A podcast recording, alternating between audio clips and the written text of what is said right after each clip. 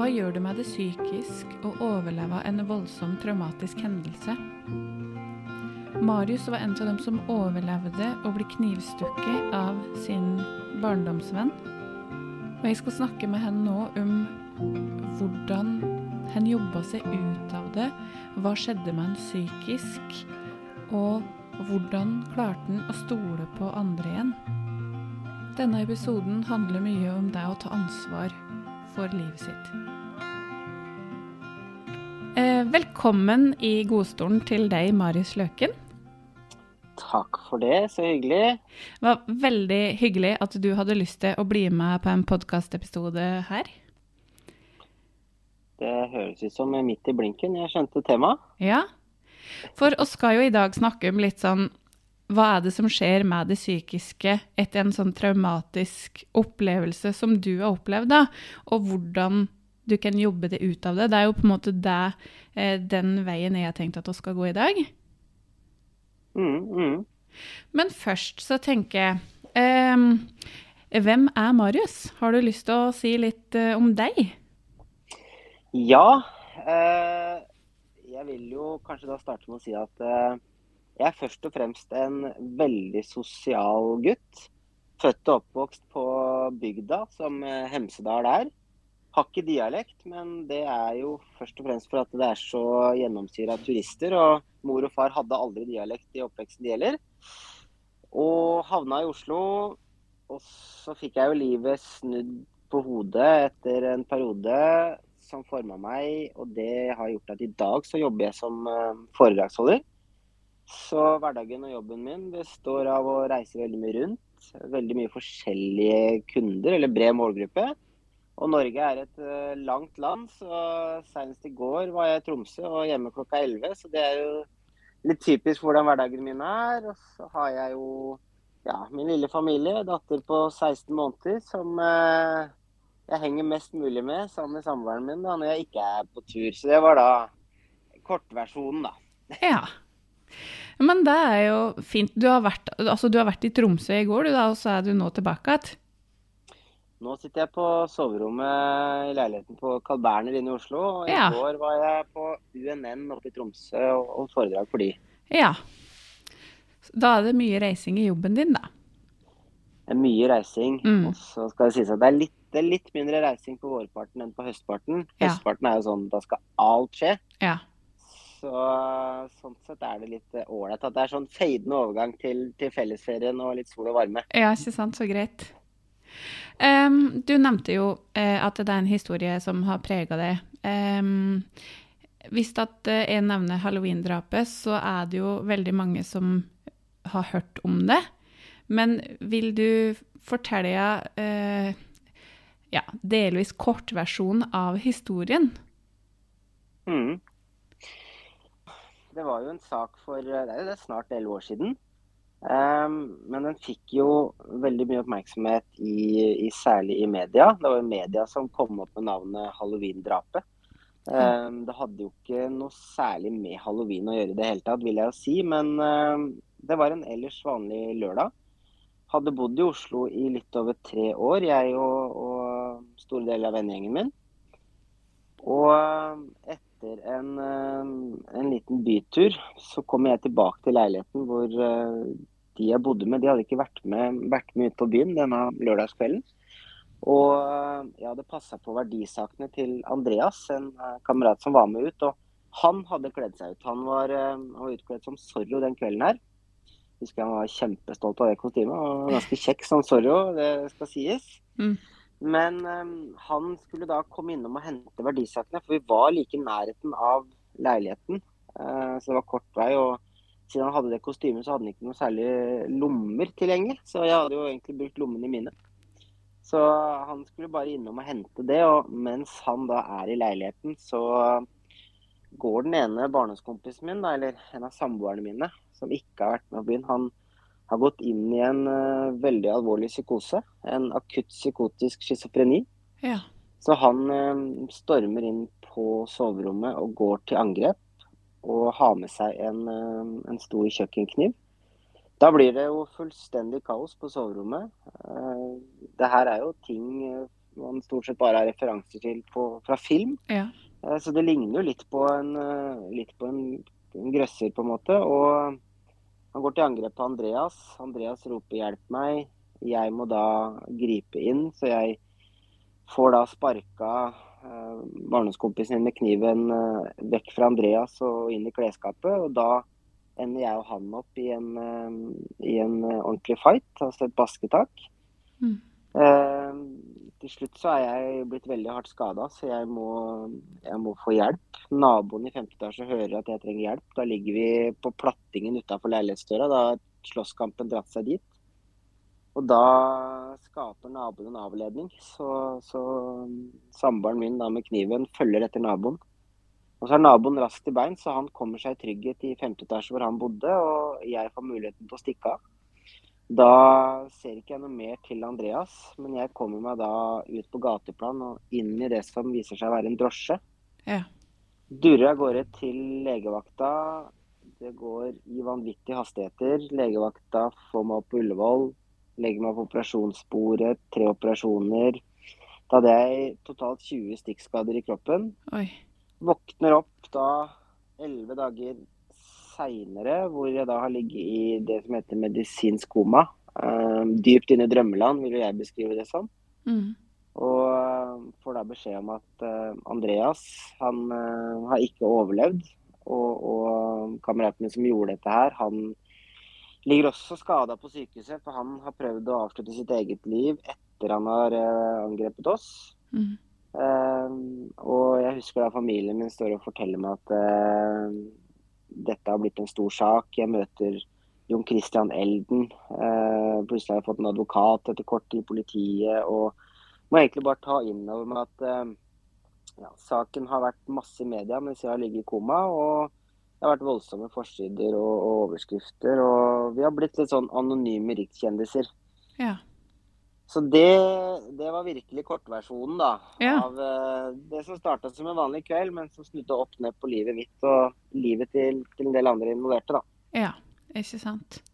Og nå jobber du da som eh, foredragsholder og reiser rundt og forteller og hjelper andre med din historie, eller? Ja, først og fremst. Og det skal sies at jeg, jeg, skulle jo, jeg skulle jo egentlig promotere bok en gang i tida. For jeg hadde jo lyst til å fortelle hva som egentlig skjedde, for det var jo så veldig mye skriverier og det var mye som ikke stemte. Ja. Og så hadde jeg jo følt at nå har jeg lært noe, så når jeg skulle gi ut bok, så sa Cappelen Dam, forlaget jeg brukte, at eh, men du er jo en pratsom fyr, Marius. Kanskje du skal prøve å, å oppsøke litt, eh, litt eh, scenelys og, og litt publikum, for da vil du selge mye mer bøker. Og så ble jeg bitt av den basillen, og plutselig var jeg da i kategorien psykisk helse og møtte mye folk. Folk i samme bransje, foredragsholdere, eh, professorer og eksperter. Og plutselig så var det bare blitt en stor greie hvor ja, jeg, jeg elska å gjøre det jeg gjør, og ble smartere. Så da ble det litt sånn hånd i hanske, det der, da. Ja, ikke sant. Men det jeg lurer på, det er litt sånn hvordan, eh, hvordan er det, Hva skjer med det psykiske etter en sånn, sånn opplevelse? Ja, det jeg da vil si, er at det går jo i flere etapper. Det er i forskjellige faser. Eh, til å begynne med så var jo ting veldig sånn sjokkarta. Eh, det var så vanskelig å helt tatt vite opp og ned på seg sjøl. Jeg var jo i første fase med den psykiske smellen. Det var jo på sykehuset, hvor jeg, jeg ville jo ikke snakke med psykologen som var der, sosionomen. Jeg, eh, jeg var så langt nede at ingenting funka. Og så kommer den fasen hvor jeg skal da forlate sykehuset og komme meg hjem. Hvor jeg var en vanvittig dårlig utgave av meg sjøl, og det var jeg ganske lenge. Eh, Stakkars uh, indre sirkelen min med, med nærmeste venner og familie, de fikk jo virkelig gjennomgå og så jo meg som et ganske håpløst tilfelle. Ja. Og uh, prøvde jo ytterligere tre psykologer til uh, etter jeg kom hjem fra sykehuset, hvor deler ikke funka i noe særlig stor grad, fordi det var ikke noe tvil om at jeg var kraftig deprimert. Og jeg hadde jo noen traumer, og de traumene de, de gjorde jo bare alt mye mer komplisert fordi de dro hverandre ned. F.eks. så hadde jeg traume som gjorde at jeg, jeg, sleit veldig med å sove. For det var jo ikke lenger trygt i min tilværelse. Nei. For det hadde jo Jeg hadde jo fått det ganske sterkt motbevist. Og så hadde jeg jo sett og opplevd ganske stygge ting. Så jeg hadde jo mareritt. Og det gjør jo at når en da først har sovna, så våkner en. Ja. Så det jeg husker som aller best, det var hvor vanskelig det var å metaforisk få opp rullegardina igjen fordi jeg hadde så lite søvn. Ja. Mm. Det, var, det, var lite, det var lite refleksjon og fornuft å bekjempe da eh, det, det, psykiske med, egentlig, eller for å få løfta det. Fordi jeg gikk rundt som en zombie. Mm. Men fikk du noe hjelp for traumene dine? At du fikk jobba med traumene etter hvert, eller?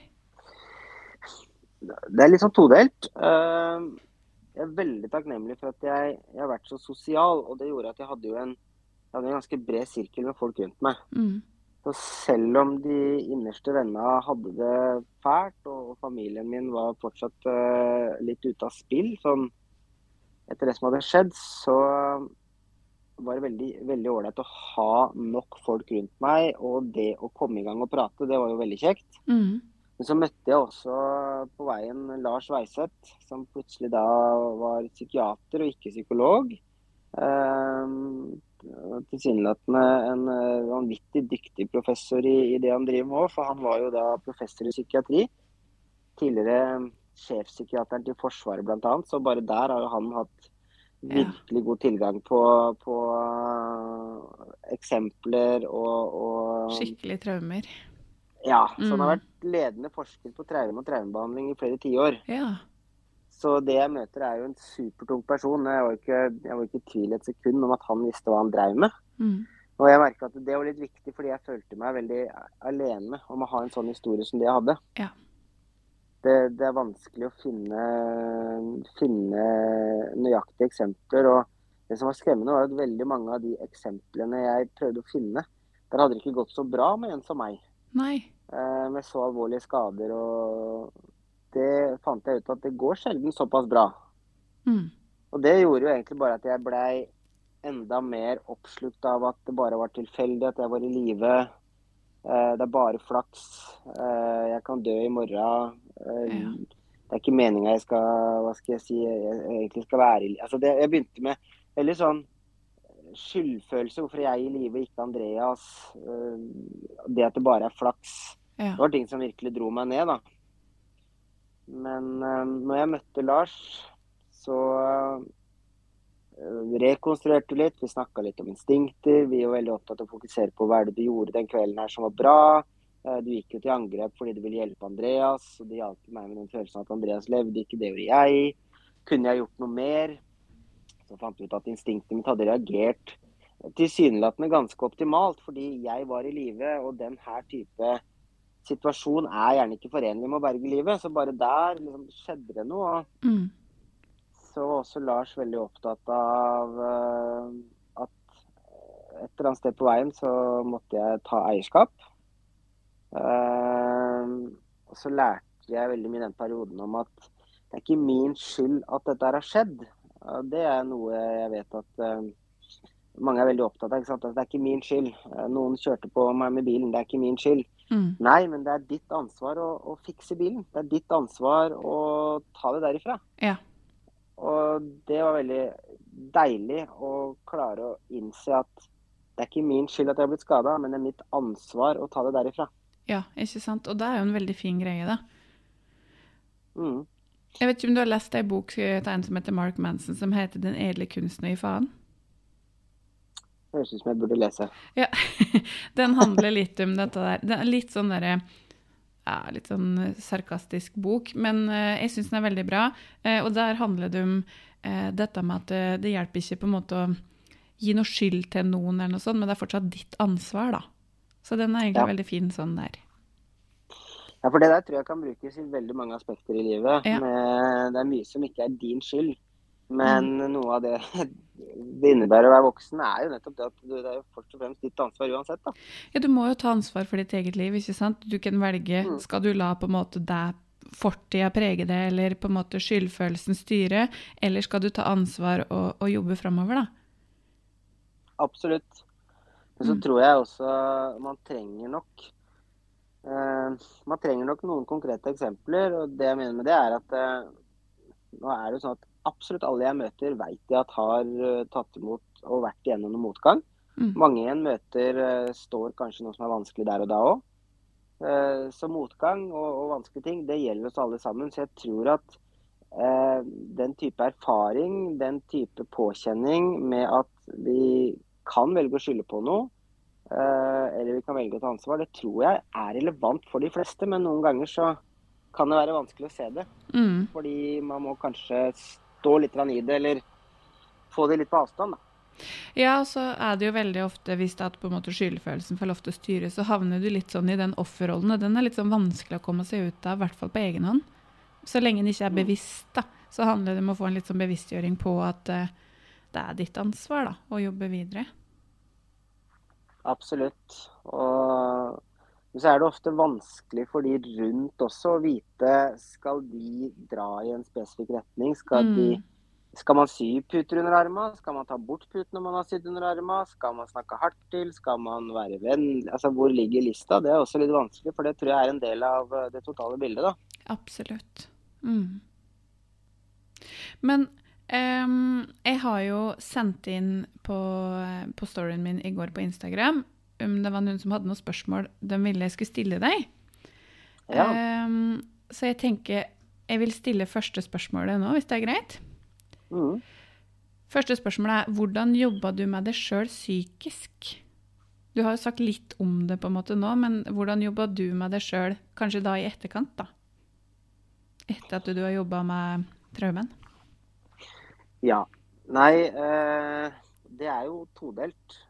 Fordi jeg jobba jo en del med meg sjøl fysisk. Fordi jeg veldig raskt skjønte at det henger veldig sammen med å jobbe med meg sjøl psykisk. Mm. Jeg var helt avhengig av å komme meg inn i en rutine på litt fysisk aktivitet. Og når jeg sier fysisk aktivitet, så innebar det alt ifra å kanskje dra på treningssenter et par ganger i løpet av uka, men bli med på en del ting. Volleyballturnering, eh, bli med på langrenn. Altså bli med på en del sånne type ting. Og det gjorde jo at eh, ja, jeg fikk, jeg fikk vel det velkjente hormonet endorfiner eh, med på laget. Det er klart at det ga litt mentalt overskudd, kjente jeg. Ja. Men uh, først og fremst så gjorde jo det at jeg fikk sortert tankene, for jeg ble litt mer trøtt når jeg skulle legge meg. Sovna litt lettere. Jeg uh, fikk lyst til å spise litt mer fornuftig, så det er ikke noe tvil om at uh, hva skal jeg si, å ha en viss pekepinn ernæringsmessig på at du liksom får i deg det du skal, og at du spiser litt vettugt, da. Det tror jeg Det har mye å si. Jeg, ja, det har mye å si. Mm. Uh, så nå er vi på liksom det mest grunnleggende, sånn hvordan få med seg hodet og psyke i det hele tatt. Mm. Men så hadde jeg jeg hadde litt sånn fake it till you make it-prosess uh, når det kommer til at liksom Jeg måtte egentlig bare presse meg litt opp om morgenen jeg måtte presse meg til å gjøre litt ting, selv om jeg ikke hadde lyst. Mm. Men det ga en vanvittig mestring. Bare det å sette på en ekstra klesvask var liksom en sånn ekstra oppgave jeg kunne huke av. Og uh, alt dette her leda jo egentlig fram til kanskje de litt dypere refleksjonene da, med, med bl.a. eierskap. Det at jeg bl.a. Uh, følte det at uh, det var ikke lenger flaks at jeg hadde overlevd. Det var mer stolthet over at Altså, jeg møtte jo Lars Weiser bl.a., som dytta meg i riktig retning. Ja. Men det var da mer stolthet over at disse arrene her har jeg fordi jeg har overlevd. Disse arrene her har jeg fordi ting har vært tøft. Mm. Eh, kontra at jeg så på meg selv som en som bare hadde hatt flaks. En som, eh, en som eh, ikke hadde gjort så mye, at ting hadde vært så tilfeldig. Arrene var bare sårbare. Det bevitna hvor sårbar jeg var. Så ble det sånn at arrene ble et bevis på at jeg var sterk. Men sånn sakte, men sikkert, altså fikk jeg med meg noen gode refleksjoner på veien. Møtte da eh, et lite knippe med rette, de rette folka, hvor Lars var den viktigste. Eh, og det at jeg fikk med meg resten av kroppen, da, med at jeg liksom hadde den fysiske aktiviteten. Jeg pressa meg sjøl til å komme inn i noen rutiner. Og sakte, men sikkert da så begynte ting å rulle. og med en gang jeg vil si jeg kom meg litt uh, ovenpå, da, begynte å kjenne at liksom, nå er jeg litt mentalt tilbake og har litt mentalt overskudd, mm. så eskalerte det i en vanvittig hastighet. For da, da var jeg over kneika. Ja. Så det handla på en måte om å komme seg litt sånn over den kneika? det handla om at jeg måtte bare få ja, et visst, et visst momentum. Mm. Uh, som oppsummert er den fysiske aktiviteten. Uh, fikk på plass litt rutiner. Jeg eh, ble bedre til å kontrollere den indre stemmen min, altså meg sjæl. Ja. Hvordan jeg så på arra, hvordan jeg prata til meg sjøl. Eh, ble mer bevisst på at eh, jeg har et ansvar her, selv om det ikke er min skyld. Og det er å stable livet mitt på beina. Litt sånn Det toget som heter samfunn, det kjører enten vi er med eller ikke. Ja. Og det bryr seg jo katta om vi sitter på eller ei. Mm. Men det er jo veldig, veldig givende da, å være på det toget sammen med resten av samfunnet. Så jeg måtte jo egentlig bare hoppe på det, da. Jeg har stått på perrongen lenge nok. Ja. Det blir noen, blir noen metaforer her, men eh, ja, men det er bra, da. Jeg liker metaforer. i hvert fall komme seg på det toget som, eh, som folk flest er på. da. Ja. Daglige rutiner og, og gjøremål og hverdagen. Mm. Ikke sant. Men eh, det er også et spørsmål her i forhold til Når du har opplevd noe sånt, eh, at det er på en måte barndomskompisen som havna inn i en psykose, da. Hvordan klarte du å stole på noen etter dette? Eller klarte du det? Hva, hva gjorde du?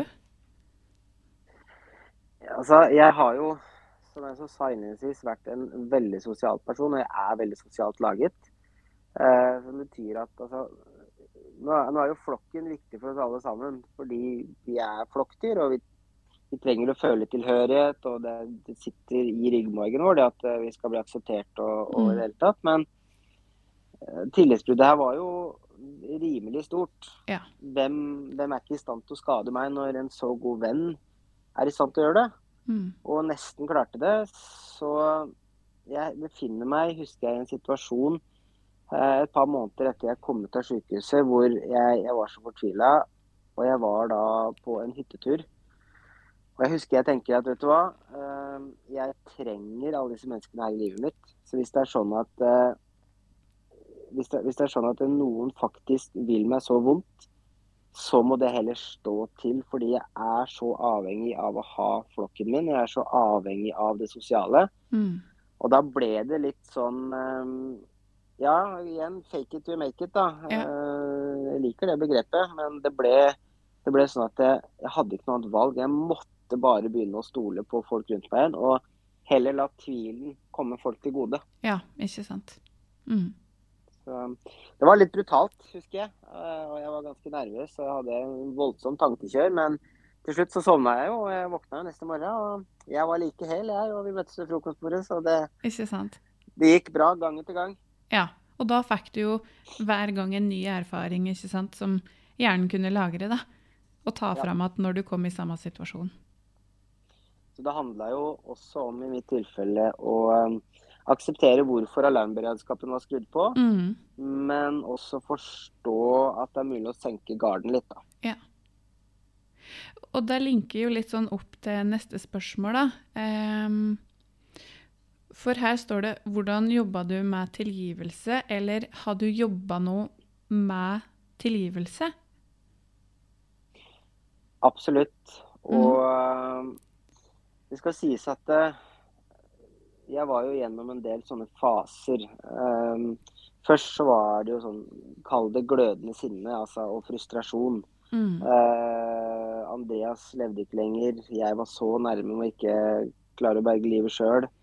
Eh, til redsel, frykt. Eh, Jeg kjente på veldig mye forskjellig. Eh, så det var veldig mye sånn fortvilelse. Og så var det jo litt sånn, hva skal jeg si Den der rettskaffenheten da, som bor i oss. Som at liksom, ja, men du har skada meg, så nå må du bøte med et eller annet, osv. Men så satt jeg i, i tingretten hvor alle faktaene kom på bordet i forhold til da, den underliggende sykdommen, altså en schizofreni under opprulling. Eh, alt fremstår jo bare tragisk og, og dypt tilfeldig. Mm. Og det gjorde jo at valget mitt om å tilgi det jeg hadde opplevd, det, det føltes veldig naturlig. Og så vil jeg jo egentlig si at det er jo et veldig egoistisk valg på en måte fra min side.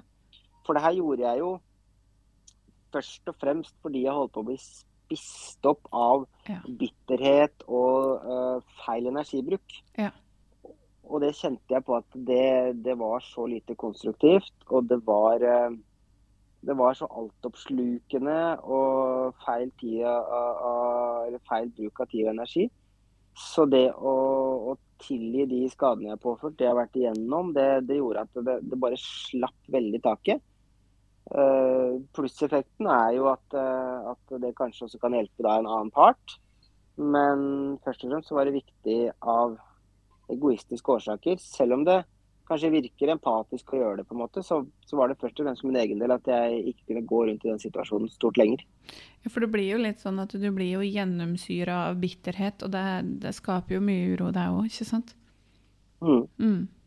Ja, definitivt. Det er ikke en, er ikke en eh, varig og levebar situasjon å gå rundt sånn. og, og der ble det et veldig sterkt eksempel på ja, tilgivelse, hva det kan uh, ha av kraft. Mm. Um, siste spørsmålet her, da, som jeg har fått inn, det er har du lært noen verktøy som har hjulpet deg? Jeg har lært mange verktøy. Uh, det, er jo, det er jo hovedgrunnen til hvorfor jeg holder så mye foredrag nå, er disse verktøyene mine. da. Ja. Uh, men jeg, jeg vil prate om noen her i forhold til at uh, det er veldig viktig å Uansett hvor, hvor pressa uka er på tid og gjøremål, eller hvor, hvor langt nede man føler seg, så, så må man alltid eh, sette av og legge inn noe tid til å bevege seg. Ja. Eh, fem eller ti minutter, det rekker man mellom å enten legge barna og hente fram ost og kjeks og vin og kreve litt kveld. Eh, eller det å bare gå et par hundre meter når du har en dårlig dag eller får en vanskelig beskjed eller det som måtte være. Eh, men utover det så har jeg ett verktøy, og det er at hver eneste dag så krever jeg å gjøre noe som gir meg godfølelsen. Det trenger ikke være avansert. Nei. Det kan være alltid fra en episode av en serie jeg liker, til ja, å gå og kjøpe meg en is. Det kan være å ringe en kompis. Det kan være å eh, spille litt på telefonen. Det kan være å se på meg sjæl i speilet og si at i dag har jeg vært flink når jeg pusser tenna før jeg skal legge meg.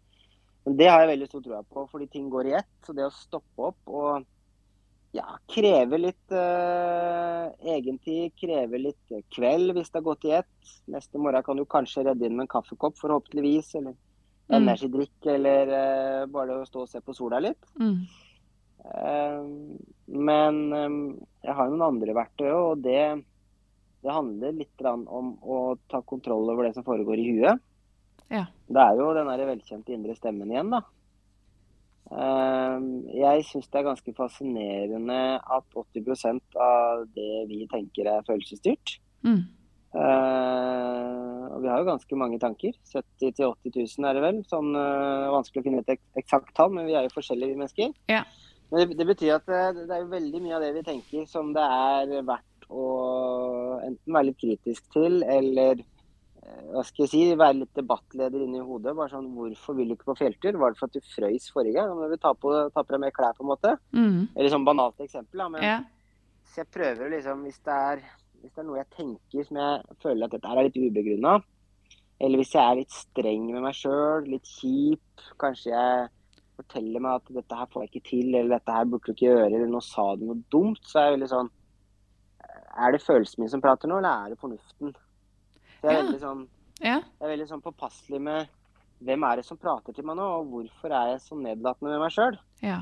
Um, det, har, det, har, hjulpet meg veldig. og Da er det først og fremst statistikk som gjør at jeg, jeg skjerper meg der.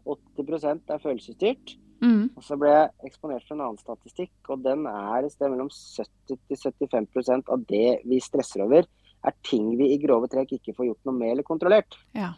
Mm. Og stress det er noe jeg har kjent mye på. Mm. Så det er veldig deilig av og til å liksom bare Får jeg gjort noe med at det regner i dag, da? Nei, jeg gjør jo ikke det. Nei. Får jeg gjort noe med at det er is på veien nå, da? Nei, jeg gjør jo ikke det, da. Eller jeg får jo gjort noe med det i forhold til at jeg har lagt om til piggdekk. Ja, men ja. Uh, jeg får ikke gjort så mye med at det er is. Nei. Så uh, det, er, det er liksom den type ting jeg tenker på. da, så Når det kommer til liksom, Får du kontrollert dette her, får du gjort noe med det? Eh, hvor kommer tankene fra? Er det følelsene som prater nå, eller er det fornuften? Mm. Og sist, men ikke minst, eh, hadde jeg sagt dette her til dattera mi på 16 måneder, eller hadde jeg vært mer positiv, mer eh, oppløftende, oppfordrende, eh, hva skal jeg si, mer støttende, da. Mm. Så det er et viktig verktøy. Det er å være venn med seg sjøl, være litt kritisk til egne tanker. Mm. Og være litt eh, kritisk til hva du bruker tankene på, da. Ja. Sånn i, i grove trekk. Så ja. Mm. Jeg, har, jeg har jo en øvelse Jeg jobber jo som kognitiv terapeut og har en øvelse som heter møtebordet. Som jeg bruker veldig mye i forhold til dette med å lære seg å snakke vennligere til seg sjøl. Ja. for eh, det jeg har gjort, er at eh, jeg har, altså, du deler inn de sjølkritiske tankene i en indre dommer og en mobber og en kritiker. eh, som jeg har laga noen figurer på, som jeg bruker. Og så er det på en måte en påstand som skal ligge på møtebordet, som da mobberen, dommeren og kritikeren skal si noe om den påstanden, da, som er dine indre tanker. Eh, og så skal du hente fram da den vennlige, fornuftige og pragmatikeren etterpå, som skal på en måte være motpolen. Og så handler det om å jobbe med å snu da, eh, tankegangen fra da mobber, dommer og kritiker, så de blir lavere på prosent, og de andre høyere, for å lære det å dra inn den vennlige, fornuftige og pragmatiske i livet ditt. da. Spennende. Så den er, den er veldig fin. Ehm, og de figurene er i hvert fall fine. For de, de gjør det litt sånn enklere å forstå ehm, hvor viktig det er å på en måte For du kan sjøl velge på en måte når du skal inn i en situasjon, og mobberen, dommeren og kritikeren kommer, da, så kan du på en måte si at 'jeg vil ikke ha med dere, jeg vil ha med disse'. Hvis den har øvd lenge nok på det, ikke sant? Ja, det er smart med, det er smart med sånne hva skal jeg si, eh, leker, eksempler, treninger. Mm. Og eh, jeg, fikk, jeg fikk spørsmål en gang eh, i et foredrag, eller etter et foredrag. Da var sånn Har du, har du virkelig én god måte å stoppe kritikeren i deg sjøl på? Eh, og noe som faktisk funka, det er verdens teiteste eksempel egentlig, men det er og hvis jeg sier et eller annet til meg sjøl som høres litt strengt ut, så prøver jeg å gjenta det samme, men da velger jeg meg en eller annen Disney-karakter jeg syns er litt morsom, og prøver å se for meg at det er den stemmen jeg hører. og eh, Da blir det gjerne litt sånn altså, Hvis jeg sier at du, dette får du ikke til, så kan jeg prøve meg på langbein, og da blir det litt sånn Ja. Dette får du ikke til! Nei, selvfølgelig får jeg det til. Det høres jo bare helt dumt ut når man sier det sånn. Altså, Ja. så det er mange sånne teknikker eh, man kan bruke, veit jeg. Ja, og det er også en del av det med møtebordet, er jo å latterliggjøre de, de øverste, altså de negative tankene, da. Eh, som da er mobber, dommer og kritiker. Latterliggjøre dem litt for å gjøre dem mindre skumle, ikke sant? For å eh, krympe dem litt. Så det er masse teknikker en kan bruke sånn. Spennende. Mm, Veldig spennende. Mm. Um, er det noe du har lyst til å formidle?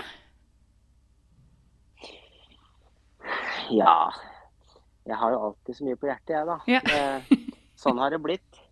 Eh, nei, jeg, jeg veit at eh, altså alle har jo vært igjennom perioder.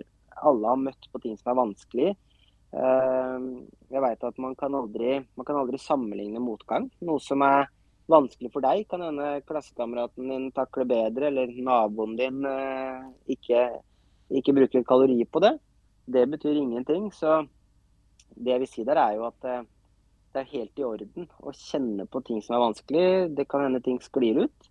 Hos meg så sklei det ut i nesten halvannet år. Det kan godt hende det er normal tid. Det er vanskelig å si, men det brukte jeg på å føle at jeg virkelig begynte å komme tilbake og hadde den gnisten og var den kalde kapasiteten. Jeg følte at jeg kanskje hadde vært tidligere i oppveksten og barndommen og i det hele tatt. Mm. Men um, det å vite at eh, man er ikke aleine. folk opplever vanskelige ting. Det kan aldri sammenlignes. Og livet er av og til skikkelig urettferdig. Det er ordentlig bånd i bøtta. Mm. Eh, men jeg har veldig stor tro på det at hvis du er hyggelig med de du møter, eh, holder døra for folk, hilser, verden er liten, folk vil huske deg, så får man en veldig sterk valuta i forhold til at eh, Berit på butikken kommer alltid til å gi deg et smil fordi du alltid har gitt henne et smil. Eh, Kari som går av på samme bussholdeplassen som deg, eller sitter i busskuret, kommer alltid til å smile, for du har alltid smilt. Altså, det er nok av dårlig statistikk innenfor psykisk helse. Det er jo et bredt tema, men det er mye ting som har blitt tungt i samfunnet, og som vi, vi sliter med og syns er vanskelig. Men det gjelder oss alle, uansett hvor vi er. Mm. Enten man er tolv år eller 72. Og da har jeg en oppfordring, og det er at tar du vare på folk du møter, smiler du, hilser du på folk, si hei to-tre meter før du møter dem, så er folk forberedt. Da får du et hei og et smil tilbake. Mm. Vi har en tendens til å bli vettaskremt når folk hilser på oss. Så må jo ned inn på Facebook og google hvem var dette mennesket her, da. Jeg kjenner jo ikke han Lenne, det er jo ikke naboen. og Nei, ikke sant. ikke noen, jeg har hatt som, ikke noen jeg har hatt som lærerinne eller noen ting, så dette her var jo bare rart. Men det er, eh, det er en sånn kjekk greie. Det er å være hyggelig med de du møter. Det har vært min viktigste valuta. Og eh, vær venn til sitt bruk. Ikke vær så opptatt av at alle venner skal ha samme kvaliteter. Alle er ikke like flinke til å stille opp hvis du har kjærlighetssorg, skal sette opp en lettvegg, hjelpe til med et flyttelass. Noen er bedre turkamerater, andre er bedre å dra på stranda med eller ta en harrytur med. Eller... Så vær venn til sitt bruk. Aldri Mm. sammenlign vennskap. Og altså, et vennskap kan ikke legges inn i Excel. Nei. Men um, ta vare på de du møter. Vær åpen for nye relasjoner. Det er litt som å være en gründer eller entreprenør, men bygger du et sterkt fundament med tanke på at du er et flokkdyr, det er vi alle. eh, De tyngste oppgavene i livet, det er på samme måte som vi på grunnskolen jobba med gruppeoppgaver. Det er også da gruppeoppgaver som gjelder for det som er vanskelig. Så Mm. det er en sterk oppfordring. Gi folk et smil. Hils. Si hei. Eh, Så kan man se at man kommer eh, veldig mye lenger eh, enn det man hadde gjort hvis ikke man gjorde det. Absolutt. Det var en veldig fin oppfordring. Så bra. Mm. Men da em, tenker jeg at eh, jeg har ikke noen flere spørsmål, og jeg er veldig takknemlig for at du hadde lyst til å dele både kortversjon av historien og litt sånn hvordan du har jobba med det i etterkant, og både med dette med deg sjøl psykisk, men også tilgivelse og verktøy du bruker i hverdagen. Da. Kjempespennende. Det er eh, kjekt å kunne snakke litt om eh, den type ting. Så bra. Da ønsker jeg deg en fin dag videre. Takk det samme, og til alle som måtte høre på. Mm. Yes, nei, men Da legger jeg ved Instagram-profilen din her eh, ved podkasten. Og så mm. Ja, får du ha en fin dag. Takk det samme. Ha det. Ha det godt.